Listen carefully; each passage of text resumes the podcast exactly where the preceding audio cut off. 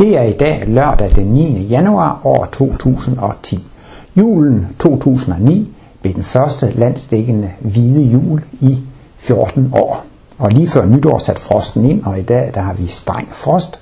Og hvis det fortsætter på den her måde, kunne det godt se ud til, at vi skal få en isvinter, hvor isbryderne skal ud. Men der er alligevel godt besøgt i foredragssalen på Martinus Institut, måske en 70-80 øh, tilhørere. Jeg glemte lige i starten af mit foredrag at tænde min, min diktafon eller min Olympus Voice Recorder, så derfor mistede jeg cirka det første minut af foredraget. Men jeg indledte foredraget, kan evigheden forstås, 0x analysens begyndelse, med kort at besvare spørgsmålet. Kan evigheden forstås? Ja, for at svare det meget kort, så må jeg sige, evigheden kan ikke forstås med intelligensen. Men evigheden kan forstås med intuitionen. Når man taler om evigheden, så synes jeg også godt, man kan tale om uendeligheden. Taler man om evighed, så er det jo ligesom en grænseløs tid. Tid, som aldrig er begyndt, og tid, som ikke slutter. Men man kan også godt tale om en uendelighed, altså i, i størrelse eller i rum, noget som er helt uendeligt. Og så tror man jo, hvis man skal til at have fat på det her med, med evigheden og, og uendeligheden, at man skal til at kigge derude, så skal vi ud i det uendelige rum, og vi skal ud i den evige tid. Men jeg fandt et meget interessant citat af Martinus i Livets bog, hvor Martinus er inde på, at vi bærer evigheden inde i os selv. Og det er måske den mest praktiske anvendelse, man kan have af det her med evigheden og uendeligheden. Det er jo sådan noget så afgørende, at vi behøver ikke at lede det ude i verdensrummet og, og ude i en eller anden mystisk fortid eller fremtid. Vi bærer evigheden i os selv. Martinus mener, at vi er alle sammen evige væsener, og vi har altså sådan i os en evig væsenskerne, et jeg, som er evigt og uforanderligt. Det er også meget interessant, at, at dette jeg, det har ikke nogen, i sig selv, i sin natur har det ikke nogen, nogen egenskaber. Det er bare en, en centrumsfornemmelse, det er ikke noget, som er. Dyrenes jeg og menneskenes jeg, de er identiske. Planternes jeg, hele universets jeg, alle levende væseners jeg er i virkeligheden det samme. Men de knytter sig til forskellige energier og, og oplever en lang række forskellige ting. Ikke fordi jeg sådan i særlig grad har studeret Eckhart Tolle, men jeg har læst lidt af det, han har skrevet, blandt andet Nues Kraft, og han har også optrådt meget hos Oprah Winfrey i, i fjernsynet. Og han har jo talt meget om det her med at opleve stillheden, om at opleve uendeligheden. Og jeg tror, det er lidt af det samme. Altså, der er også zen-buddhisme og mange meditationsformer, hvor man prøver på at stoppe tankestrømmen og ligesom prøve at, at opleve stillheden. Ikke? Og jeg tror sådan oplevelsesmæssigt, det er måske også noget af det nærmeste, man kommer til jegets evige natur, at man kommer ud i noget, som man vil kalde stillheden. Øh, både Martinus, men også Eckhart Tolle taler jo meget om om, om formernes verden. Vi lever jo i en verden, hvor der er former. Der er træer og huse og mennesker og, og alle ting, som har en form. Det er jo skabte ting, de har en begyndelse, de har en afslutning. Men det, det interessante er altså, at der findes en verden uden for formernes verden. Og det er altså denne jegets verden, den ligger uden for formernes verden. Og det er noget af det mest største og ophøjet, man faktisk kan få lov til at opleve. Det er, at man har en eksistens uden for formernes verden. Og efter beskrivelse af Eckhart Tolle eller Martinus eller kristne mystikere, så, så er det altså en umådelig lykke og en umådelig glæde at opleve sin eksistens uden for formernes verden. Det giver en en fred og en ro og en lykke og en glæde og en salighed. Hvor er det, vi har alle vores problemer? Jamen det er jo i hverdagen, det er jo i formernes verden. Tænk, hvis man kan få lov til at mærke, jamen det er ikke den eneste verden, der er. Der er en verden uden for formernes verden. En evig, uforanderlig. Og det er jo så også en, en uantastelig verden. Der kan ikke udøves noget som helst attentat eller angreb imod ens evige eksistens. Det er totalt urørligt. Det er usårbart, og det er også en fantastisk ting at kunne opleve det. Og så vil man måske se på sit liv, måske på flere liv, på formernes verden. Det er, det er jo bare små krusninger på evighedens hav. Men bare det, man har den der sikkerhed. Jeg har en kerne, som ikke kan angribes, den kan ikke ødelægges, den er der bare. Og ligesom der, hvor vi har alle vores problemer og konflikter i formernes skabtes verden, det er sådan set bare sådan et lille vedhæng eller, eller en detalje til det. Så derved kan man få en enorm lykke og glædesoplevelse. For snart to år siden, så blev jeg 60 år. Og året før, der gik jeg hele tiden og tænkte på, hold da op mand, næste gang så bliver du 60 år, så bliver du gammel, hold da op mand, næste gang bliver du 60 år. Men når så jeg tænker tilbage, så kan jeg huske, det var også lidt mærkeligt, dengang jeg var 49, for så gik jeg også hele tiden og tænkte på, hold da op mand, hold da op mand, næste gang bliver du 50. Og dengang jeg var helt ung, så gik jeg også og sagde de der 40 fed og færdig, ikke sandt? Og der synes jeg jo, folk på 40 år var meget, var meget gamle. Men et lille evighedsbevis, det er måske netop den følelse, man har. Man kan godt se, at kroppen bliver ældre, men man føler faktisk ikke, at man er blevet ældre. Og I kender jo godt, hvordan man selv kan blive fornærmet ved, at nogen kalder en for gammel. Eller hvis man kommer til at kalde nogen andre for, for gamle. Sådan, at du er jo gammel. 70 år, det er jo ingen alder. Eller kalder du mig gammel? 80 år, det er jo ingen alder. Vi har alle sammen den der fornemmelse af, at vi ikke er gamle. Og kosmisk set er det rigtigt. Vi har nemlig ingen alder, vi er tidsløse. Og jeg tror, det, det, det er simpelthen forklaring, eller næsten et lille bevis på, at vi har en evig, uforanderlig kerne, som er tidsløs. Og derfor har vi faktisk også lidt af den der tidsløse fornemmelse. Jeg, jeg er den samme. Man går ikke sådan og føler sig som Hans Nielsen den ene dag, og Viggo Sørensen den anden dag, og Ole Terkelsen den tredje dag. Altså vi har jo alle sammen, jeg er mig, jeg er den samme.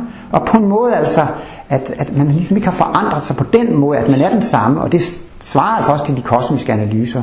Så det vil jeg sige, det er måske sådan den, den mest praktiske og den mest håndgribelige oplevelse, man kan få i evigheden og uendeligheden. Ikke? Og det er der måske også noget, når man i ledige stunder slapper af, måske også kunne tænke lidt på. Martinus mener principielt ikke, at det er nogen særlig dyd at stoppe tankerne. Altså, vi har jo tanker og bevidsthed, og meningen med liv, det er oplevelse. Så derfor er det ikke nogen speciel mening med at stoppe tankerne, for det er egentlig næsten det samme som at ville stoppe livet. Men det er rigtigt, vi har mange tanker, vi har mange øh, mentale fængsler, vi har nogle tankemønstre. Vi kan blandt andet bekymre os utrolig meget om fremtiden, og det giver mange negative tanker. Og vi kan tykke drøv på fortiden og synes, at jeg er blevet uretfærdigt behandlet og urimeligt behandlet, og de har gjort det og det. Vi kan bruge utrolig meget tid på at bekymre os om fremtiden og trykke drøv på fortiden. Det er klart, det ville være en fordel, hvis vi kunne lægge de tanker til side. Og det kan man eventuelt gøre ved at koncentrere sig på nuet, eller ved at eventuelt at meditere på, på, på stillheden eller tomheden. Ikke sandt? Men det er ikke et mål i sig. Martinus, han giver jo så jo en lang række anvisninger på, hvordan man eventuelt kan øh, analysere sit liv ud fra åndsvidenskab, så man ikke behøver at gå og være sur og bitter, og også hvordan man kan se med, på fremtiden med, med optimisme og håb og fortrøstning og glæde. Så altså ved at bearbejde sin bevidsthed og sine tanker, kan man godt undgå at gå og, og være martyr og bitter over fortiden og bekymret over fremtiden. Så det er ikke absolut den eneste løsning på det her med de mentale fængsler og bekymringer, at man skal stoppe tankerne. Man skal snart prøve på at forvandle tankerne, ikke sandt? så man bliver glad og lykkelig ved, ved det, man øh, oplever. Det er lidt teoretisk der med evigheden og uendeligheden, men ikke desto mindre så er det noget alt afgørende for hele Martinus verdensbillede. Der er jo mange, der siger, ja, men så havde man jo i oldtiden et verdensbillede, så fik man et nyt verdensbillede i middelalderen, og så kom videnskaben, og nu er vi i et nyt, hvad kalder de, paradigmeskift, og nu får vi et nyt verdensbillede. Og så har mennesket en opfattelse, at i altid fremover, så vil det blive ved med at komme nye verdensbilleder. Men der siger Martinus, at han har fundet den absolute sandhed, den, den evige sandhed. Han har lavet et verdensbillede, som ikke forandrer sig. Og det er jo klart, at et verdensbillede, som ikke forandrer sig, det er så nødt til at være baseret på evigheden, og ikke på øh, forskellige øh, fænomener. Vores naturvidenskab, de måler på atomer, elektroner, universer, der kvasar og galakser, og de måler og måler på alt muligt, men det er alt sammen noget, der hører til formernes verden. De måler på ting i det skabtes verden. Og øh, derfor, jeg kan godt lide den, det udtryk, Martinus bruger, de arbejder kun med hensmuldrende ting. Hvordan skal man lave et vareagtigt verdensbillede, som kun er baseret på observationer af hensmuldrende ting? Men det er netop det, naturvidenskaben gør. Og så længe man gør det, jamen, så kan man blive ved med at forny verdensbilledet, og formernes verden forandrer så kommer der jo hele tiden, øh, hele tiden nyt. Men Martinus arbejder altså med et evigt verdensbillede, og det er altså ryggraden i hele logikken i Martinus verdensbillede. Øh, naturvidenskabeligt langt de fleste mennesker i Danmark, de mener, at vi har kun et liv. Og når vi kun har et liv, så må vi i højeste grad sige, at livet er uretfærdigt. Nogle fødes syge, ligefrem handicappede, multihandicappede. Nogle fødes med en glimrende sundhed. Nogle fødes, fødes i gode familier. Nogle fødes knap nok i familier eller i dårlige familier. Nogle fødes i rige lande, nogle i fattige lande. Nogle bliver udsat for ulykker, nogle bliver forfulgt, nogle kommer i krig, andre går fri. Det ser ikke ud til, at der er nogen som helst retfærdighed til. Og det ser heller ikke ud som om, at livet er kærligt, når man ser alle de kriser og sygdomme og den brutalitet, der er. Så Martinus mener, at hvis man kun ser på livet i et etlivsperspektiv, så må livet se ud som om, at det er uretfærdigt og ulogisk og ukærligt. Og jeg tror faktisk også, at det er årsagen til, at der er så mange mennesker, der er syge i dag. Martinus siger, at vores tanker har stor indflydelse på helbredet. Og har man et generelt livssyn, der er baseret på, det er tilfældighederne, der styrer livet, livet er farligt, man skal være bange for livet, det, det er ukærligt, og især, der er ikke nogen mening med, med livet, jamen så går man der og bliver bange og nervøs for livet. Disse tanker er ikke øh, helsefrembringende. Det er de ikke. Og netop når det er det store tankeklima, så ser vi også netop, at det er i vores tid, hvor sygehusene er, er overfyldte. Lægerne bliver dygtigere og dygtigere. Det er helt fantastisk. Man får bedre og bedre apparater og bedre og bedre sygehus. Men hvad sker der? Der, der bliver, det, det, er bare, det, det bliver bare bygget flere og flere sygehus, og der skal bruges flere og flere penge på, på sygehusvæsenet. Man skulle jo håbe, det gik den anden vej, men det gør det stadig ikke. Så men, men Martinus han argumenterer for, jamen hvis nu det er sådan, at vi er evige og har et evigt liv, og jeg skal ikke bruge så meget tid på, på det her med reinkarnationen, men Martinus mener, at der findes et organismeudskiftningsprincip. Alle de erfaringer, vi gør, de, de, de, de lagres i nogle talentkerner, som er hængt op på et evigt stativ. De uh, lager din evige struktur, som Martinus kalder overbevidstheden, og de kan derfor overføres til et kommende liv. Derved kan man indse, ikke en eneste oplevelse er spildt, ikke en eneste oplevelse er overflødet. Det at man har trænet og øvet sig, det er aldrig overflødet. Alt summeres op og gemmes, og man kan tage sig med det i det kommende liv. Takket være skæbne og karma-princippet, så kan man måske bedre forstå, ja, nu er der nogle mennesker, der har en god karma, og nogle, der har en dårlig karma. Nogle, der har en god skæbne eller en dårlig skæbne, ikke sandt? Jamen det hænger jo sammen med deres evige fortid. Og øh, der, der kan man jo så se, jamen når det er sådan et, et evigt tidspanorama, så jævner alt sig ud. Der er ingen favoritter. Alt, alle kommer i princippet til at opleve det samme. Og der er ingen favoritter, der er ingen, der får særbehandling. Altså man får jo en helt anden fornemmelse af det, når man kan se sit eget liv eller andres liv i et evighedsperspektiv. Så er det i hvert fald nemt nok at forestille sig, at der er tid nok til at rette uretfærdigheder op, og til at jævne det hele ud, så alt. Og derfor er jo simpelthen det der det fantastiske ved et evigt livssyn. Når man arbejder med de analyser, så kan man se, jamen så er livet retfærdigt. Og fordi det er jo netop, hvis mennesker fødes med, med, med, med dårlige vilkår, så er livet uretfærdigt. Men hvis man forstår, at øh, det er en øh, følge af de tidligere liv, Martinus garanterer, hvis et barn fødes med en sygdom, så er det fordi, at det har haft en forkert livsstil, eller det har levet på en forkert måde i tidligere liv. Hvis man fødes med, med, med psykiske sygdomme, så er det fordi, man har tænkt forkert i tidligere liv. En hver svaghed, en hver svækkelse, man bliver født med, skyldes, at man selv har lært nogle fejl tidligere. Og hver talent, og hver evne, og hver styrke, man fødes med, det er også noget, man selv har optrænet i tidligere liv. Jamen på den måde med et evigt livssyn, så kan man se, at alt er retfærdigt. Og man vil også kunne se, at der er logik i det hele. Det er ikke sådan, at livet er styret af tilfældigheder, at det er goddag mand økseskaft. Der er simpelthen logik i det. Og i den sidste ende viser det sig altså, at livet er en kærlig foretelse. Livet er en fordel for os. Martinus, han, han kunne sige, jeg elsker Gud så inderligt. Og det kan man måske godt forstå, hvis han havde et stærkt og et godt gudsforhold.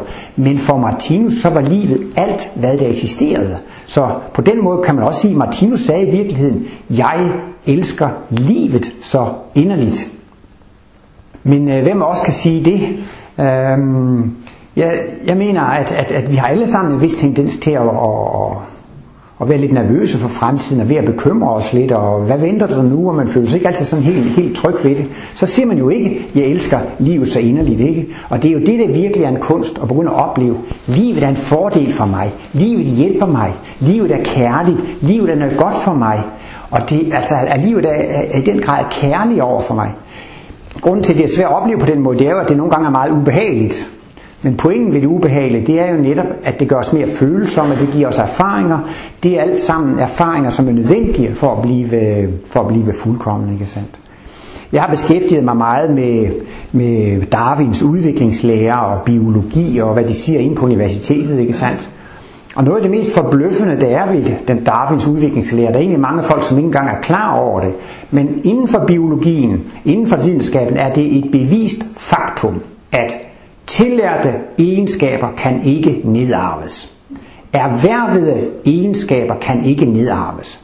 Og det kan godt se, at der er en vis rimelighed i det. Hvis nu der er en mand, han træner og træner i at spille skak, og han bliver dygtig til matematik, det kan han jo ikke overføre til sine børn via arveanlæggene. Selvom man lærer nok så meget i dit liv, så ændrer kønscellerne sig jo ikke. Når sædceller og ægceller er smeltet sammen, så er ens gener fastlagt. Generne forandrer sig ikke i takt med, at vi lærer noget. Og det kan også, så kan man også sige, altså selvfølgelig, alt det man lærte inden man fik børn, kunne man måske tro, men alt det man lærer efter at få et børn, det kan man jo ikke give videre med arvemasse. Så, så, det, så det, det mener man ligesom at, at, at have fastslået som en videnskabelig kendskærning. Det stemmer selvfølgelig inden for et enkelt liv, ikke? Alt det et menneske lærer i et liv, kan ikke nedarves via DNA-molekyler og arveanlæg. Derfor er det stort set spildt. Altså ud fra denne livsteori, så er det altså Darwins teori, det er, Udvikling skyldes egentlig to hovedfaktorer. Den ene det er tilfældigheder, også kaldt mutationer. Og det andet det er så kampen for tilværelsen med de bedst egnedes overlevelse. Altså mutationer og de bedst egnedes overlevelse. Det er det, der driver udviklingen frem. Men altså, i det perspektiv, så bliver enhver oplevelse, enhver træning, enhver øvelse, det bliver meningsløst. Det er spildt. Men i Martinus kosmologi er det ikke en eneste oplevelse, ikke en eneste træning og øvelse, der er spildt. Det bliver alt sammen opsummeret i talentkernerne, som så kan, videre, så det kan videreføres til de, til de, øh, til de kommende liv. Og jeg har været lidt ind i sådan en debat, og der mener vi, det er simpelthen dybt godnat. Det er dybt religiøst at mene, at livet har en mening, for det styrer af mutationer. Det er dybt religiøst at mene, at, at udviklingen har en retning, det er dybt religiøst at tro, at udviklingen går fremad og opad mod større fuldkommenhed. Det kan man ikke vide, for det styres af, af tilfældigheder. Og igen ser jeg også bare, hvis man har sådan et, et, et livssyn, livet styres af tilfældigheder, der er ingen mening, der er ingen retning med udviklingen, jamen så nytter det jo egentlig heller ikke rigtig noget at, øh, at, at dygtiggøre sig på en vis måde. Og jeg kalder også nogle gange et livsteorien for egoismens evangelium. Bare for at efterligne Martinus lidt. Han kalder det nye testamente for kommunismens evangelium. Jesus var den første og største og mest fremragende kommunist. Og han mener altså, at den fremtidige politiske kommunisme, den vil blive baseret på demokrati og på, øh, på det nye testamente. Øh, den sovjetkommunisme, der var, det var en kommunisme, men det var ikke demokratisk. Og det demokrati, man har i USA, det er måske nok et demokrati, men det er ikke kommunistisk. De kan sige, at det er demokrati i USA, men der er stor forskel på rig og fattig. Ikke? Det bliver ikke kommunistisk, før det bliver demokratisk, og det bliver ikke rigtig demokratisk, før det bliver kommunistisk. Så derfor kan man godt sige, at det nye testamente er kommunismens evangelium. Men der er det så, jeg vil bare for at være lidt, prøve på at være lidt original, jeg vil sige, at, at et livsteori, det er egoismens evangelium. Fordi jeg lever kun den ene gang, så det er i dette liv, jeg skal have min bil og øh, min villa og mit swimmingpool og alt det der. Det er her og nu. Og Martinus siger også, at den etlivsteori har været en kolossal spore for udvikling, altså den tekniske udvikling. Han siger, det, det vil teknikkens vugge vil ikke stå i et land med reinkarnation. Altså det vil ikke stå i et østerland, hvor man har reinkarnation. Det var faktisk en fordel, at reinkarnationen kom ud af kristendommen. For derved blev de kristne faktisk noget materialistiske. De troede kun, de havde et liv. Og så er det her, vi skal opleve alle fordelene. Og derfor har man anstrengt sig så meget med at udvikle alle de her tekniske hjælpemidler, for at man kan få lov til at, øh, til at øh, opleve det. Ikke sandt? Men det korte og det lange er altså, at, øh, at hele Martinus verdensbillede, det er altså baseret på, på evigheden og uendeligheden. Og det gør altså den der fantastiske konklusion. Alt har en mening. Alt har et formål. Der er logik i det hele. Og der er en umådelig kærlighed bag ved det hele. Meningen med livet, det er faktisk oplevelse. Man kan næsten sige, meningen med livet er en evig underholdning. Ib Schleicher, som har været i bestyrelsen for Martinus Institut, og som har oversat mange Esperanto-bøger. Da han lige kom ind i kosmologien, fik han lejlighed til at spørge Martinus, er der nogen mening med livet? Og så svarede Martinus sådan i første gang, nej, egentlig er det jo ikke nogen mening med livet i den betydning, at det er et slutmål. Hvis nu for eksempel siger, mening med livet det er at blive fuldkommen, eller mening med livet det er at nå derhen, hvad skal man så lave resten af evigheden? Så er det jo ikke noget at lave. Så derfor kan man så sige, at der er ikke nogen mening med livet i form af, at vi skal nå noget. Men siger Martinus, man kan måske godt sige, at meningen med livet er livsoplevelse. Meningen med det evige liv er, at man i al evighed skal kunne opleve noget nyt. Jamen hvis meningen med livet er, at man i al evighed skal opleve noget nyt, så er det jo faktisk meningen med livet, det er underholdning. Ikke?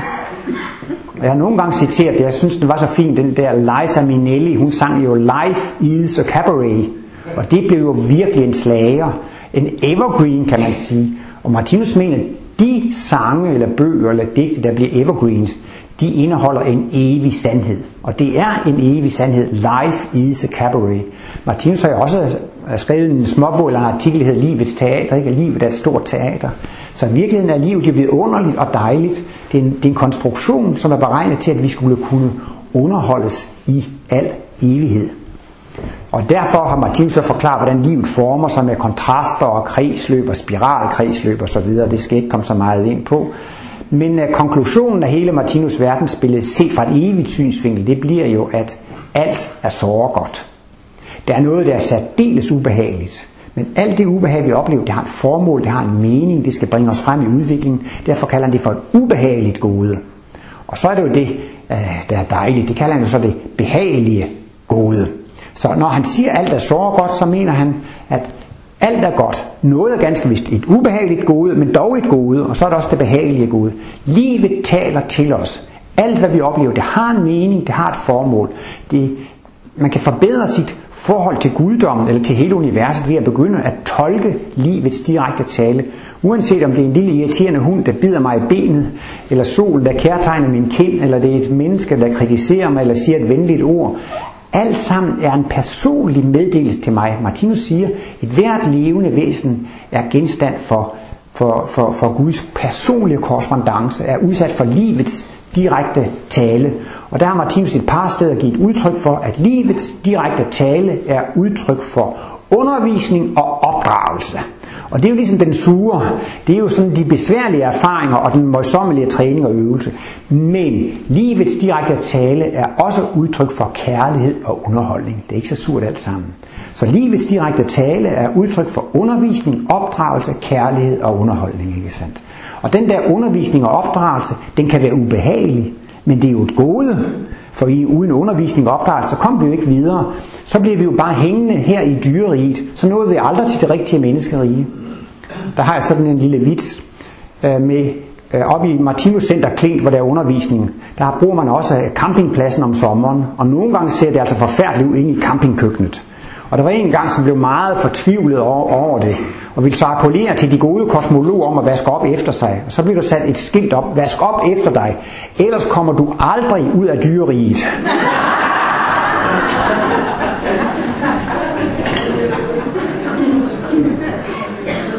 Og det er jo netop den der kosmiske analyse. Uden undervisning og opdragelse fra livets side, så ville vi heller aldrig komme ud af dyreriget. Og det er altså vidunderligt, at vi kan komme ud af dyreriget og komme til et rigtigt menneskerige, hvor vi lever i sundhed og velvære og kærlighed og, og har helt paradisiske forhold. Så det er godt nok, men det kan godt lokalt være lidt, lidt ubehageligt. Det her med evigheden og uendeligheden, synes jeg også selv, at det kan være meget svært at forstå, og man kan ikke forstå det med, med, med intelligensen. Og naturvidenskaben den går jo faktisk ud på at undersøge konkrete ting. Og jeg har hørt, at hvis man vil skrive en doktorgrad og få den godkendt, så gælder det om at skrive så meget som muligt, om så lidt som muligt. Og derfor specialiserer alle forskere sig, de graver sig ned i en vanvittig lille detalje, og så skriver man lige 300 sider om det, og så bliver man doktor, fordi man har gravet sig ned i en lille detalje. Men sådan bliver det så hele naturvidenskaben. Man får ikke helheden med. Det ligger i hele vores tradition. at hver forsker graver sig ned i, i en detalje, og så får, man ikke, så får man ikke det hele med. Men hvad får man, hvis man tager det hele? Og der, der har Martinus øh, en analogi, som jeg kan så godt lide. Og det er jo så altså, at evigheden eller uendeligheden, eller også det, han, han kalder for x1, det rummer alt, hvad der eksisterer. det rummer alle kontraster, der eksisterer. Men hvis man samler alle kontraster på et sted, så ophæver de hinanden. Og det der fra fysikkens verden med lyset, hvis man, hvis man har sådan noget rent, hvad hedder det, sort, nej undskyld, øh, rødt og grønt lys, der kommer i modfase, eller kommer i modfase med hinanden der, så kan det udslukke hinanden. Eller hvis man tager alle spektrets farver på én gang, så bliver det farveløst. Eller hvis I tager noget hvidt lys, som er farveløst, og sender det igennem et prisme, så bliver det spaltet i spektrets farver. Er det ikke mærkeligt? Det hvide lys, I også kan se fra pærerne, det hvide lys, som ser ud til at være ufarvet, har alle farverne i sig. Hvis det kommer igennem et lysprisme og bliver brugt, så får man jo spektrets syv farver, som man taler om, ikke? Rød, orange, gul, grøn, blå, indigo og violet. Så der synes jeg, det, det, det er en god analogi. Hvad får vi ud af det, hvis vi kan samle alting på et sted? Hvis vi kan samle alle livets kontraster på et sted, så ophæver de hinanden. For det er jo klart, hvis nu man kan tage alt, hvad der er koldt og varmt, hvad bliver der så ud af det? Eller lykkeligt og ulykkeligt? Altså hvis man samler alle kontrasterne, så er det jo hverken det ene eller det andet. Så um, et andet eksempel, som er nemmere at forstå ud fra matematikken, det er jo, hvis vi nu tager alle tal, vi er så, Martinus regnede ikke med negative tal, men øh, det lærte de jo ikke i skolen dengang. Men hvis vi nu tager minus 1 og plus 1, og minus 2 og plus 2, eller vi kan tage alle eksisterende tal, og så sætter vi bare et minus foran, ikke sandt? Så, så, har vi, så har vi virkelig inkluderet alle eksisterende positive og negative tal. Ikke? Hvad får vi ud af at lægge dem sammen? Det er 0. Hvad nu hvis vi tager alle elektriske ladninger i universet? Altså vi tager alle elektriske positive ladninger og alle de elektriske negative ladninger og lægger dem sammen. Hvad får man ud af det? Så bliver det 0. Hvis der et sted i universet opstår en magnetisk nordpol, så vil der et andet sted i universet opstå en magnetisk sydpol. Hvis der et sted i universet opstår en positiv elektrisk ladning, så vil der et andet sted opstå en negativ elektrisk ladning. Ikke sandt? Og med de eksempler synes jeg også, det er nemt at forstå. Når man lægger det sammen, så bliver det nul. Der er noget, jeg ikke rigtig har forstået, selvom jeg har læst om det i fysikbøgen. Det er noget, man kalder stof og antistof materie og antimaterie. Det er noget, man kan regne lidt med teoretiske fysik, og når man lægger dem sammen, så får man også nul, ikke sandt? Og det er det, der er det mærkelige ved det, Martinus kalder for x1, eller jeget, eller evigheden, eller uendeligheden. Det er faktisk, for vores sanser er det intet.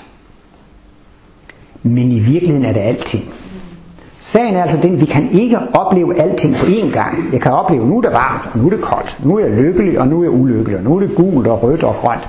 Man kan opleve de enkelte kontraster, ikke sandt? men man kan ikke opleve alting på én gang.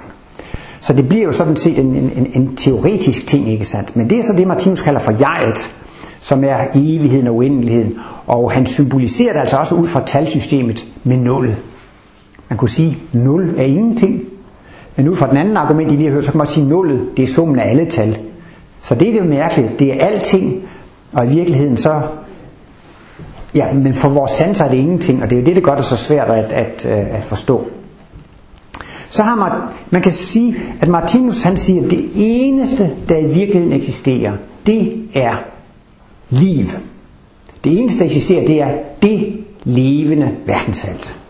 Altså hvis nu skal vi til at undersøge liv, så må vi jo starte med at undersøge, hvad eksisterer der. Og der siger Martinus, det der eksisterer, det er det evigt levende verdensalt. Og det består så af levende celler i form af levende galakser og solsystemer og kloder og mennesker, organer og celler, og atomer, molekyler og elektroner og kvark osv. Men så er det så, at Martinus har sat sig for at forklare, hvad er liv, og hvordan fungerer livet. Og så kommer Martinus jo ind i nogle beskrivelser, som er af teoretisk art, ikke sandt? Og øh, der har han altså en forklaring af livet, hvor han deler det i tre analyser, x1, x2, x3. Og med andre ord bruger han også skaberen, skabeevnen og det skabte. Vi har altså dette, denne evige, uforanderlige væsenskerne. Den har en evne til at give udtryk for det, ej, det er måske næsten bedre at begynde den anden vej. Dette jeg har en evne til at opleve. Martinus har en definition af bevidsthed, som er meget kort, men synes jeg er meget elegant. Bevidsthed er evnen til at opleve og evne til at handle. Bevidsthed er evne til at opleve og evne til at manifestere sig. Ikke sandt? Et hvert levende væsen har en evne til at opleve. Det bliver påvirket udefra, så får det et indtryk, og det går ind til jeget, og bagefter så kan jeget give udtryk for det indtryk, det har fået. Så det vil altså sige, at der kan, dette jeg kan modtage energier, og bagefter kan det afsende øh, energier, ikke sandt? Og der er forskel på jeget og energierne. Energierne er jo nærmest et redskab for, for, for, for jeget. Øh, naturvidenskaben, de mener, at det hele startede med Big Bang. Og efter en million år, hvor meget der var, så bestod universet af en gassky, der bestod af 25% helium og 75% brint. Det kalder man for den oprindelige gassky. Det var første gang, man fik dannet de to mindste atomer i vores periodiske system. Takket være tilfældige reaktioner opstod der tungere og tungere atomer. Takket være flere tilfældige reaktioner, så opstod der molekyler. Og takket være endnu flere tilfældigheder opstod der organiske molekyler. Og øh, der opstod en lang række specifikke proteiner og fedtstoffer og kulhydrater og nukleotider og tilfældigvis så opstod livet ud af disse tilfældigt opståede molekyler. Og øh, det vil så sige, at man mener, først var der den døde fysiske materie, og deraf opstod livet. Det vil sige, at den døde materie er det primære, og livet og bevidstheden det er noget sekundært. Og det er også interessant at læse lidt om den moderne hjerneforskning. Jeg følger ikke med i det, men en gang imellem hører man det lidt i fjernsyn. Det bliver meget fascineret af alt det, de finder ud af. Men igen, så laver de sådan nogle undersøgelser, og så siger de, jamen når man tænker på sprog, så lyser det der hjernecenter op, og når jeg tænker på mad, så er det et andet hjernecenter, der lyser op, og når jeg tænker på sex, så er det et tredje hjernecenter, og så har de jo så, at de kan se, at der er en relation. Der er en relation imellem bevidsthedsaktiviteten og så et center i hjernen. Men der, der er en relation, det er ikke et bevis på et årsags-virkningssammenhæng. Men ikke desto mindre så slutter de alligevel, at det er den fysiske hjerne, som har produceret tankerne. Altså det er cellerne, det er den fysiske hjerne, som har produceret bevidstheden. Så i begge tilfælde, så er det den fysiske materie, det er det primære, og bevidstheden er et biprodukt. Eller det er den døde fysiske materie, der producerer bevidstheden. Og det synes Martinus, det er da helt at vende tingene på hovedet, ikke sandt? Så man kan sige, naturvidenskaben siger, materien er ophav til bevidstheden. Og Martinus siger omvendt, materien er materiale for bevidstheden. Materien er materiale for bevidstheden. Hvis jeg nu bøjer og strækker min arm, så giver jeg jo et eksempel på, at nu kan jeg bevæge materien her i min arm, fordi jeg ønsker at give et eksempel. Så synes jeg, det er et argument for, at det er min bevidsthed, som styrer materien, fordi jeg fik den idé, at jeg vil give et, øh, give et øh, eksempel. Men der kan man altså virkelig se, hvor stor kontrast det er imellem den materialistiske videnskab og Martinus, ikke sandt? Og der kan man da virkelig se forskellen, hvor det ene. Og der er der så, at Martinus siger, Jamen har man nogensinde forklaret, hvordan noget dødt kan blive levende? Kan man, kan man forklare, hvordan, hvordan noget kan opstå af ingenting? De fleste er i hvert fald med på det, når det drejer sig om energi. Energi kan ikke opstå af ingenting, og energi kan ikke blive til ingenting. Hvis energi kan opstå ingen, ingenting, så har vi løst energikrisen. We've got plenty of nothing. Vi har masser af ingenting. Men man kan ikke lave energi ud af ingenting, og energi kan ikke blive til ingenting. Og det er jo den der klare fornemmelse, man har. Noget kan ikke opstå af ingenting, og noget kan ikke blive til ingenting. Hvis vi har et rungende dødt univers, hvordan skal liv så opstå? Hvordan, hvordan skal noget dødt blive levende? Jamen det sker ved en tilfældighed. Jamen prøv lige at forklare, hvad skete der der ved den tilfældighed? Ikke? Og det har naturvidenskaben endnu ikke forklaret, hvad det var, der skete, da det døde blev levende. Men Martinus siger, at liv har altid været der. Og livet har altid haft den egenskab, at det kan bruge materien som materiale. Og det er jo så det, Martinus har med den her, der, der, der skaberen, skabeevnen og det skabte. Skaberen, det er vores jeg. Det er X1. Det er evigheden og uendeligheden. Det er den evige uforanderlige kerne. Denne skaber har en skabeevne. Det har altså en evne til at komme i kontakt med energierne. Og når dette jeg bruger denne evne til at komme i kontakt med energierne, så kan det udtrykke sig igennem energierne. Det kan være kreativt, det kan være skabende, det kan handle, det kan manifestere sig. Og når, og når energierne går igennem sansorganerne, så får man jo indtryk og får en, en, en oplevelse af det. Og det er jo så altså formernes verden, eller det skabtes verden. Så derfor, liv, det, ene, det eneste, der eksisterer, det er bare noget, som er. Men Martinus prøver på at forklare i analysen, så kan man dele det i tre dele. Der er et evigt, uforanderligt del. Og så er der den der evige, uforanderlige del, som har en kontakt med det foranderlige. Og det er noget af det, der er det sværeste at forstå. Man kan forstå, hvis man har et langt kabel, men man ved, hvis kablet begynder her, så har det altså en slutning hen i den anden ende. Det er helt sikkert, eller et snørebånd, og det er ligegyldigt, hvor langt det er. Hvis der er noget, der har en begyndelse, så har det også en slutning. Og det er vi altså meget vant til inden for naturvidenskaben. Men på en måde, så er det levende væsen egentlig sådan et misfoster som har en begyndelse, altså kroppen har en begyndelse, og så prøver vi på at følge den, jamen så kommer vi til bevidstheden og overbevidstheden, så kommer vi til jeget og det, og så fortoner det ting i, i uendeligheden og i evigheden. Det er jo ikke at forstå, hvordan et levende væsen, nogle gange kalder Martinus også for sin to i analyse, det levende væsen har en skabt side, som har en begyndelse, og så har det en evig uendelig side, som ikke har nogen afslutning. Han siger, det har ikke noget sidestykke i det skabtes verden.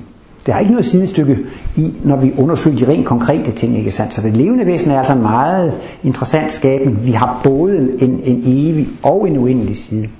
Martinus siger, at da han fik kosmisk bevidsthed, oplevede han noget, han kaldte for den gyldne ilddåb.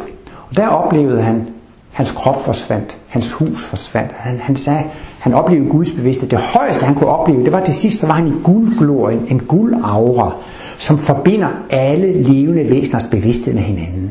Alle levende væsener er forbundet. Både dyr, planter, mennesker, molekyler, atomer, celler, organer, solsystemer, alle levende væsener har den samme evighedselement. Det er jo netop det der nul, eller det der alt, alt hvad der eksisterer. Det har jo ikke nogen karakter, det er ikke gult eller blåt eller lykkeligt eller ulykkeligt, det har det hele. Og derfor har, og det sagde Martinus, da han oplevede den der guldaura eller guldglorie, der kunne han opleve, der smeltede alle levende væseners bevidsthed sammen, og de udgjorde et. Og han så det som nogle guldtråde. Han har beskrevet det i livets bog, bind 6, og så i den nyeste bog, det her den intellektualiserede kristendom, hvordan disse guldtråde umærkeligt fortonede sig ind i stillheden. Og der talte han også, der hvor disse guldtråde fortonede sig ind i stillheden, der havde man den yderste horisontrand. Så altså vores sansorganer, vi kan jo opleve ting, der, der bevæger sig osv. Ikke? Men hvis man tager summen af alle bevægelser, hvad bliver det ud af det? Der må også blive stillhed. Hvis der er noget, der bevæger sig mod nord, og noget mod syd, og noget mod øst og noget mod vest, og noget op og ned, altså man, man må jo regne med, at det er lige mange bevægelser i alle retninger. Og hvis man så samlede, tog summen af alle bevægelser, hvor bevæger vi os så hen? Ingen steder. Altså, alle eksisterende bevægelser, de foregår i alle mulige retninger. Og hvis man tog dem alle sammen på et sted, så vil det altså blive nul. Så vil det blive stillheden, ikke? Og derfor er det jo så mærkeligt, at man kan forstå, at stillheden eksisterer. Men det kan ikke opleves med sanserne. Sanserne kan kun opleve noget, der bevæger sig. Sanserne kan kun, kun opleve kontraster, vibrationer, ikke sandt? Hvis man tager det hele på en gang, så kan man ikke opleve det. Så derfor har man sådan lidt mærke, det jeg, der oplever, kan ikke opleve sig selv. Eller ligesom det øje, der ser, kan ikke se sig selv. Eller det kamera, der fotograferer, kan ikke fotografere sig selv. Så der har vi sådan altså en, en evig kerne, øh, jeget. Og denne skabeevne, x2, siger Martinus også, ja, han har jo sådan et, hvad skal man sige, når han har de her tre ting, x1, x2, x3, så siger han, de skal være der alle tre, for ellers så giver det ikke nogen mening. Hvis man har en skaber og en skabeevne, men ikke noget materiale at skabe i, så kan man ikke lave noget, så giver det ingen mening. En skaber med en skabeevne, Altså det er næsten ligesom hvis man siger, at det er en maler, men der er ingen farver og læret, så kan han jo ikke arbejde som maler. Så, men omvendt så siger Martinus, jamen hvad så hvis man har en, en, en skaber og, no, og, og, og noget materiale? Jamen hvis skaberen ikke har en skabeevne, så kommer der heller ikke noget ud af det. Og så kan man også sige, at hvis man har altså en skabeevne og, og noget skabemateriale, så sker der ikke noget, før der er en skaber. Så x1, x2, x3, de hører urokkeligt sammen. Og han siger, at det er en teoretisk analyse af det levende væsen. Altså i virkeligheden eksisterer der kun liv. Men skal man prøve på at forklare, hvordan det fungerer, hvordan det er skruet sammen, så har det altså de her tre, tre dele, x1, x2, x3. x1, det er stillheden, det er evigheden, det er uendeligheden, det er det uforanderlige, og det er det, der er så stor en lykke og glæde at få lov til at opleve. Fordi så er man ude over alle bekymringer og sorger og bitterhed osv., fordi man kan se, at jeg, jeg har en evig urørlig eksistens uden for formernes verden. Det kan også være vidunderligt at opleve. Der er ikke noget at være bange for. Nogle gange kan jeg, bare jeg ikke bliver syg, eller bare jeg ikke bliver slået ihjel, og bare det, jeg ikke bliver fattig, og bare det ikke. Jamen der er noget i os. Det kan ikke udsættes for noget som helst attentat. Fordi det er denne evighed, denne stillhed, hvordan, det, det, det er helt, helt uangribeligt. Men, men øhm, Øh, X1 det er altså stillheden, og det er summen af alle kontraster. Og X3 kan man sige energiernes verden, formernes verden, det er simpelthen bevægelse. Hvad er energi? Det er bevægelse. Og det der X3 formernes verden, det skabtes verden, ikke sandt? der er simpelthen bevægelse og vibration over det hele. Og så er der så det der bindeled, som han kalder for X2, som han kalder for, for skabe evnen.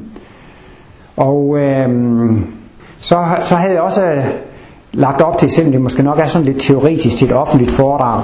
Men, men det interessante det var, at Martinus på sine gamle dage, så, så arbejdede han på, at han ville lave nogle udvidede analyser af det her med X1 og stillheden, det her med immaterielle. Han siger, det er noget immaterielt. Det er altså ikke noget, men det er immaterielt for sanserne. Og det er ligesom vores jeg, det er noget, men det er immaterielt for sanserne. Eller nullet, det er noget, men det er immaterielt for sanserne. Er bare analogien. Det hvide lys, det er farvet, det er noget, men det er bare ikke, man kan bare ikke opleve det direkte med sanserne. Og i de sidste to-tre år, når han holdt foredrag der som 88-årig, 89-årig, 90-årig, så sagde han, ja, nu er jeg gået i gang med at skrive nogle udvidede analyser. Han ville skrive noget mere om jeg-strukturen, og, og han ville skrive noget mere om, om, om, om, om stillheden og uendeligheden, og han ville også skrive noget mere om Guds bevidsthed. Noget om, hvordan Gud oplevede livet. Vi har jo en ydre verden, en omverden, og vores livsoplevelse opstår jo den vekselvirkning. Men hvis Gud er alt, og det er det egentlig, Martinus definition af Gud, det er, at Gud er alt, eller alt er Gud. Der eksisterer ikke noget, som ikke er en del af Gud. Der eksisterer ikke noget, der er uden for guddommen. Alt er, alt er, er Gud. Så på den måde er det jo heller ikke så, så religiøst med Martinus, fordi vi, alle vi mennesker, vi er også levende celler i guddommen. Altså alt er, er udtryk for, øh, for guddommen. Men øh, Martinus, han, han, han følte, at han skulle udvide de her analyser, og han var i gang med at skrive en bog, som hed Det tredje testamente. Dengang der var 10 år tilbage af Martinus liv, altså da han var 80 år i 1970, så bestemte han sig for, at han ville slutte sit værk af med at forklare, at øh, det han har skrevet, det er i virkeligheden det tredje testamente. Øh, Jesus han øh, sagde jo, jeg har meget mere at fortælle jer, men I kan ikke bære det, men jeg skal sende jer talsmand den hellige ånd. Han skal tage mit og give jer, og så videre. Og der forklarer Martinus så, i virkeligheden så er hans værk opfyldelsen af denne bibelske profeti. Og da Martinus, øh, ja, han, han, han gav simpelthen direkte udtryk for, mit værk, det tredje testamente, det er talsmand den hellige ånd. Jeg kan lige i denne forbindelse sige, det allernyeste nummer af Kosmos, nummer 10, 2009, øh, det er kun én artikel i den, og den handler altså om talsmanden, den hellige ånd. En øh, glimrende artikel af Ove Voldby, hvor han tager fat i en 10-12 udsagn i bibelcitaterne. Og der siger Jesus, at jeg skal tage mit, og han skal tage mit og give jer. Og så undersøger Ove Voldby, jamen har han nu gjort det, Martinus? Så har han nu gjort det, og hans Konklusionen er entydig. Martinus har gjort alt det, som står i de bibelske profetier. Men det kan man jo sige, det er jo meget provokerende at, at melde ud. Og Martinus han mente også, ja når den her bog kom ud, så lyder det nok et ramaskrig. Fordi at øh, netop ved at have været det gamle testamente og det nyt testamente, i sig selv lyder det tredje testamente jo neutralt på en måde, ikke? Men øh, Martinus knyttede altså virkelig sådan til det, at, at det, var, det var Bibelens fortsættelse og hans arbejde, det, det var den fortsatte Kristusmission. Vi har været kristne i 2000 år, men vi lever ikke i fred, sundhed, glæde og harmoni. Der er stadigvæk krig og konflikt og egoisme, så der mangler jo noget nu. Og det mener Martinus, det vil nok tage en 3000 år. Og dertil skal mennesket have en vejledning. Og denne vejledning skal gå ud på at hjælpe menneskerne til en selvstændig tænkning. Vi skal selv forstå livet. Tidligere har der været profeter og verdensgenløsere og verdensfrelsere. Og de har sagt mange sande og rigtige ord. Folk har dyrket dem, de har troet på dem, de har bedt til dem, de har fulgt dem, og det har hjulpet dem frem i udviklingen. Men målet med udviklingen er, at vi skal blive selvstændigt tænkende væsener. Vi skal selv forstå tingene. Og der er mange, der tror, Nå, tror du på Martinus, og hvor du ind for Martinus? Og... Men øh, det Martinus har lavet, det er en, en hjælp til selvhjælp. Det er en hjælp til selv at forstå livet. Det er en hjælp til selvstændig tænkning. Og derfor mener Martinus så, at efter ham, så kommer der ikke flere verdensgenløsere eller verdensfrelsere. Fordi så er vi blevet så udviklet, at vi selv kan gå resten af vejen. Og den hjælp, vi skal have, det er, at der skal foreligge en videnskab om livet, så vi selv kan kontrollere det. Og hele Martinus værk, det er en håndbog i at iagtage livet. Vi skal ikke tro på noget som helst af det, Martinus siger. Vi skal ikke blindt acceptere noget som helst. Martins bruger et udtryk, at man er åndsforsker, når man har en kritisk indstilling til alle hans analyser. Og jeg vil faktisk våge påstå, at jeg i mit liv ikke har oplevet noget, som modbeviser Martinus analyser. Jeg har lige siden jeg var teenager kendt til Martinus analyser, og på en måde, så har jeg jo oplevet livet med de briller. Så læser jeg noget i avisen, så læser jeg noget på universitetet, så oplever jeg selv noget. Så tænker jeg tit, passer det med Martinus analyser eller ej? Jeg har ikke fået alle Martinus analyser bekræftet, men jeg vil love at påstå, at jeg har ikke oplevet noget, som modbeviser Martinus analyser. Og derfor er det jo et vældigt redskab. Han siger, livets bog er en håndbog i at jagte livet. Ikke sandt? Det er jo en vældig hjælp til at få en rigtig forståelse og en rigtig opfattelse af, af livet. Og så gik Martinus i gang med at skrive denne bog, Det tredje testamente. Det skulle være en introduktionsbog, og det skulle ligesom være for masserne, og det skulle ligesom sætte også Martinus værk ind i et kulturhistorisk perspektiv. Han siger, ja folk de ved jo ikke, hvad det er, vi beskæftiger os med. Og vi arbejder jo med det her i Skandinavien. Folk ved slet ikke, hvad der, der sker her i Skandinavien, så det vil han... Men efterhånden, som Martinus så kom ind i den bog, så kom han ind i højere og højere analyser. Det sagde han også tit ved bestyrelsesmøder på instituttet. Ja, når jeg sådan sidder og skriver og skriver, så, så kom jeg ind i højere og højere analyser, som er alt for høje øh, til menneskene, og, og som i, helt specielt var alt for høje til en introduktionsbog. Han gled hele tiden i højere og højere analyser. Og så er det så i slutningen af denne bog, så glider han ind i en endnu højere analyse af det her problem med x1, x2, x3. Og så introducerer han et begreb, der hedder 0x, og det gør han i stykke 134 og 135, og så skriver han lige i stykke 136 og 37, og så kommer han ikke længere med den bog. Så bestemmer han sig for, nej, nu, nu, nu er jeg kommet for højt op med de analyser. Så, så, så, så ændrede han sin plan. Så sagde han, nej, nu tror jeg, at livets bog skal udgives under titlen Det tredje testamente. Og så skal jeg skrive et forord eller, eller en prolog til livets bog. Og så tog han nu noget af, af indledningen ud fra den der bog, han ikke fik gjort færdig, og så skulle det ind i livets bog. Og så ville han have symboler på, på det der symbol, som I ser der først, med karmabuerne, den orange og den gule karmabur, Kristusfigur, det skulle være på forsiden, og så det der dødende der, det skulle være på bagsiden. Og så gik han over til plan C, så begyndte han at skrive en symbolforklaring til, til, til, til livets bog. Og tilbage blev det så sådan en amputeret bog, hvor han har taget indledningen væk, og den var ikke skrevet færdig. Og derfor, og så nåede han ikke at få forklaret det der 0x, og der har været en del debat om det, om det var en helt fejltagelse fra Martinus side, eller og hvorfor 0x, det giver da ikke nogen mening at sige sådan noget. Så der har været en, en, en debat, og, og jeg har selv været en del af den debat, og så har jeg, kunne jeg altså ikke dybe mig for i min bog at give mit bidrag til det, ved at skrive det der, kan evigheden forstås med, med, med 0x. Og det, meget af det kan jo kun være ens, hvad skal man sige, ens egne... Øh, egen opfattelse af det. Man kan ikke vide, hvordan Martinus ville have udviklet det der begreb 0x. Men øh, der er jo Per Brugs Jensen, som har skrevet en masse bøger. Og han har skrevet en bog, som har titlen I begyndelsen var tomheden. Og jeg kender en, der siger, det er da en tosset titel. I begyndelsen var tomheden. For det første så har vi et evigt liv. Så der er jo ikke nogen begyndelse. Og der er jo ikke nogen tomhed, vi kan se, det er jo liv det hele, så det er jo simpelthen en tosset titel at sige, i begyndelsen var tomheden. Men det er ikke så tosset endda, fordi man kan tale om, at forskellige ting har en begyndelse. Og her er der altså ikke tale om en begyndelse i tid, man siger, det begyndte ved den og den dato. Men man kan sige, hvis jeg vil analysere livet, hvis jeg vil analysere livet, så må det begynde et sted. Så analysen har jo altid en begyndelse. Man må begynde et sted, og så må man begynde med det, der eksisterer. Jamen okay, så begynder jeg med det, der eksisterer, og så tager jeg så simpelthen summen af alle kontraster, så har jeg jo alt det, der eksisterer. Men det bliver netop det immaterielle, det bliver jo netop nullet, det bliver netop det, som er utilgængeligt for sanserne. Og det er jo faktisk det første. Så nogle gange kan jeg ønske jeg selv at bruge det der udtryk, 0x, det er analysens begyndelse. Altså man kan sige, hvis Martinus siger, at det levende væsen, det er tredelt. Det består af x1, x2, x3. Så er analysen jo allerede i fuld gang. Men hvor skal analysen tage sit udgangspunkt? Hvor skal man starte? Jamen så starter man med det noget, som eksisterer. Og det noget, som eksisterer, det er simpelthen summen af alle kontraster. Der, der, der, der må man altså starte. Og øh, så kan man så undre sig over, jamen nu har man x1, x2, x3. Hvorfor hedder det så ikke x0? Men man kan sige, at x1, x2, x3, det er nummerering. Martinus har altså lavet nogle x-analyser. Og x, det står for noget, som er. Noget, som eksisterer. Hvorfor eksisterer energierne? Ja, det gør de bare. De er der bare. Der er ingen årsag til eksistensen af evige ting. En stol har en begyndelse, derfor er der en årsag til dens eksistens.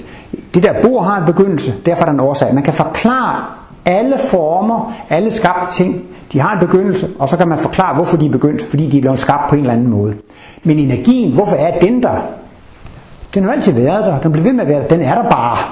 Og det kalder Martinus for en evig analyse. Der er også nogen, der siger, ham Ole, han er så autoritær i sin foredrag. Han siger, sådan er det bare. Men det er altså ikke noget at gøre ved det. Man er nødt til at sige, hvorfor eksisterer energien? Den eksisterer bare. Og hvorfor eksisterer det evige jeg? Hvorfor eksisterer det, det evige liv? Jamen det er der jo bare, det er jo aldrig begyndt. Man kan ikke give nogen forklaring på, hvorfor det er der. Fordi det er der bare.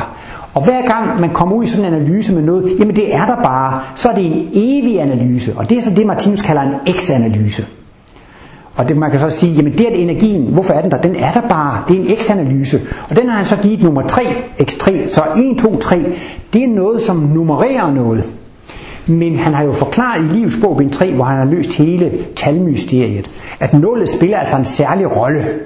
Og nullet, det er et symbol på evigheden eller uendeligheden, ikke? Og tidligere, eller kan man sige, det er egentlig også et symbol på x1, stilheden, uendeligheden, dette som ikke kan røres med, med, med, med sanserne.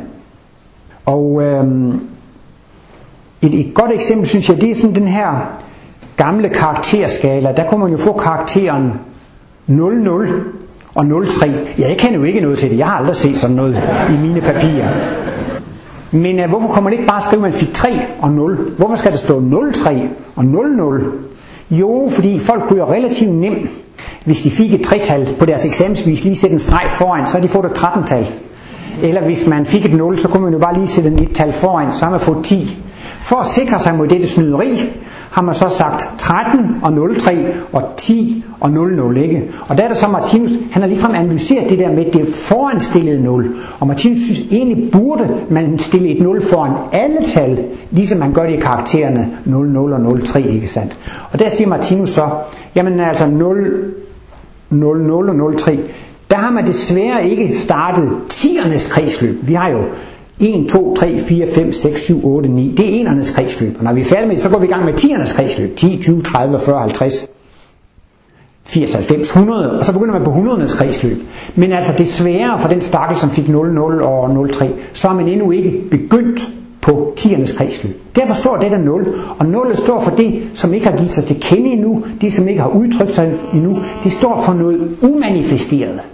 Og det er netop her, at x1 eller jeg, øh, det er umanifesteret, men x3 det er jo selve manifestationen, ikke sandt? Så derfor er det egentlig øh, meget logisk, at Martinus ikke siger x0, fordi et efterstille 0, det er en nummereringsenhed. Det, det spiller, 0 spiller jo en umådelig stor betydning, hvis man skal se, se på sin løn. Skal jeg have 1000 kroner om måneden, eller 10.000, eller 100.000? Så skal man ikke komme og sige, at 0 det er ingenting. Men det er fordi, at det efterstillede 0, det er jo en tælleenhed, som indgår i de almindelige kredsløb. Men hvis man har sådan et nul, foranstillet 0, så viser det, her er et kredsløb, som ikke er sat i gang endnu. Vi er ikke begyndt med det. Det er ikke manifesteret endnu. Så derfor er 0, altså det, det, det, det, det enestående 0, altså 0, der står for sig selv, eller 0, som er foranstillet, det er noget, vi ikke får begyndt på endnu. Det er altså noget umanifesteret noget. Og det var jo netop det, Martinus ville prøve at skrive nogle nye analyser om det umanifesteret ved så at sætte, sætte et, et nul foran. Øh, og så kan man så sige, at i bogstavalfabetet, så har man ligesom reserveret bogstavet x for det ukendte. Når der er en ubekendt i matematik, så hedder den altid x. Altså x, det er egentlig den ubekendte, men dermed altså egentlig også noget, noget umanifesteret. Noget, det ikke har givet sig til kende, altså det. Og vi har jo både et bogstavalfabet og et talalfabet. Og X i bogstavalfabetet spiller den samme rolle, som nullet gør i talalfabetet. Så på en måde, så er det lidt dobbeltkonflikt, når Martinus siger 0x.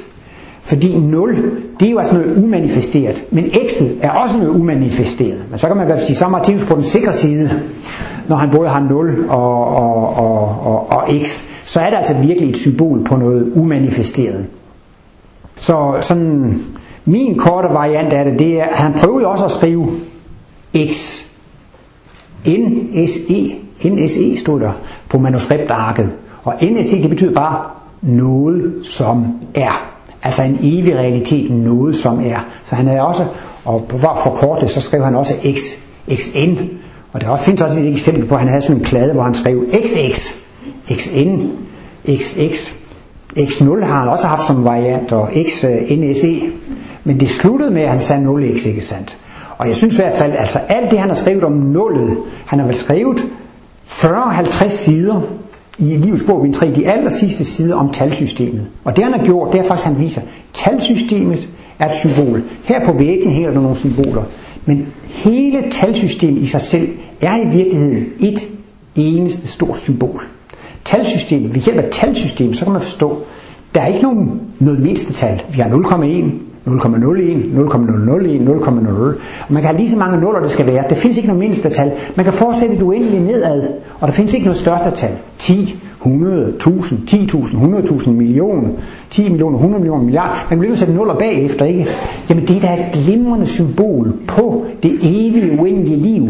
Og lige sådan også i tid, ikke sandt? Altså det har ingen begyndelse, og det er ingen afslutning. Og det er jo det der ryggraden i Martinus verdensbillede. Og derfor er det også interessant, at han kan bruge det her øh, talsystem som et symbol på øh, hele sit verdensbillede. Ekstremt, det er formernes verden, det er de konkrete ting, ikke? 1, 2, 3, 4, 5, 6, 7, 8, 9. Det er jo de her konkrete tælleenheder, ikke sandt? Så disse tælleenheder, de svarer jo til ekstrem i analysen, ikke sandt? Men når man så siger 9 og kommer op til 10, så er der kommet en i mente, hvis man siger 18, 19, 20, så er der, så er der to i mente på, altså kommer en mere i mente, så er der to. Altså resultatet af det forrige kredsløb, det bæres på snede måde med i næste tal. Og det taler Martinus om, det er talentkerneprincippet. Alle de erfaringer og oplevelser, vi gør i liv, de bliver lagret som talenter. Alt det, vi har trænet og øvet. Talentkernerne lagres i evighedslæme og overføres til næste liv, ikke sandt? Og netop dette evighedslæme, det er jo det, Martinus symboliserer som overbevidstheden og X2. Så det system med, at man kan tælle kredsløb op ved at sætte dem i mente, siger Martinus, men det er jo et glimrende symbol på X2. Og så det her med nullet, det er jo det her glimrende symbol på, på, på X1, på jeget og så videre. Så det er meget interessant. Og når man så ser på tallene, jamen det er jo det ene kredsløb efter det andet. Det er kredsløb inden i kredsløb inden i kredsløb. Jamen det er også døgnets kredsløb, inden i årskredsløbet, inden i jordmenneskets livskredsløb, ikke sandt? inden i spiralkredsløbet osv. Så, så det er egentlig meget fascinerende. Og som jeg sagde før, kan evigheden forstås. Jeg tror, at det bedste middel, man har til at forstå evigheden, uendeligheden, det er selvfølgelig ved at gå til matematikken. Martinus siger, at naturvidenskaben og åndsvidenskaben, de vil smelte sammen. Og især når naturvidenskaben bliver teoretisk, så nærmer den sig åndsvidenskaben, fordi teorien er jo åndelig, ikke? Og det er jo netop også, at hvis vi skal prøve at nærme os evigheden uendeligheden, så skal vi faktisk ind i den teoretiske matematik, ikke sandt? Og netop ved at arbejde med uendelig store tal og små tal og så videre, så begynder det jo måske også at gå op for en, Jamen hvorfor skulle det være noget største levende væsen? Hvorfor skulle det være noget mindste levende væsen? Hvorfor skulle det være et, et, et, et, en, en mindste tidsangivelse? Den vil altid kunne deles i mindre tidsangivelse, nogle største. Så på den måde, så synes jeg godt, man kan få en, en fornemmelse af, at det er muligt at komme til at forstå evigheden. Det kan altså danne et teoretisk fundament for at forstå Martinus verdensbillede, men rent oplevelsesmæssigt, så vil det altså et, det er noget Martinus siger, det kan man opleve i et kosmisk glimt. Når man kommer til at opleve, at man har denne evige uendelige kerne, så bliver man fyldt af en, en lykke og en glæde og en harmoni, fordi man kan føle sig hævet over alle fortrædeligheder og alle vanskeligheder. Ja, tak for opmærksomheden.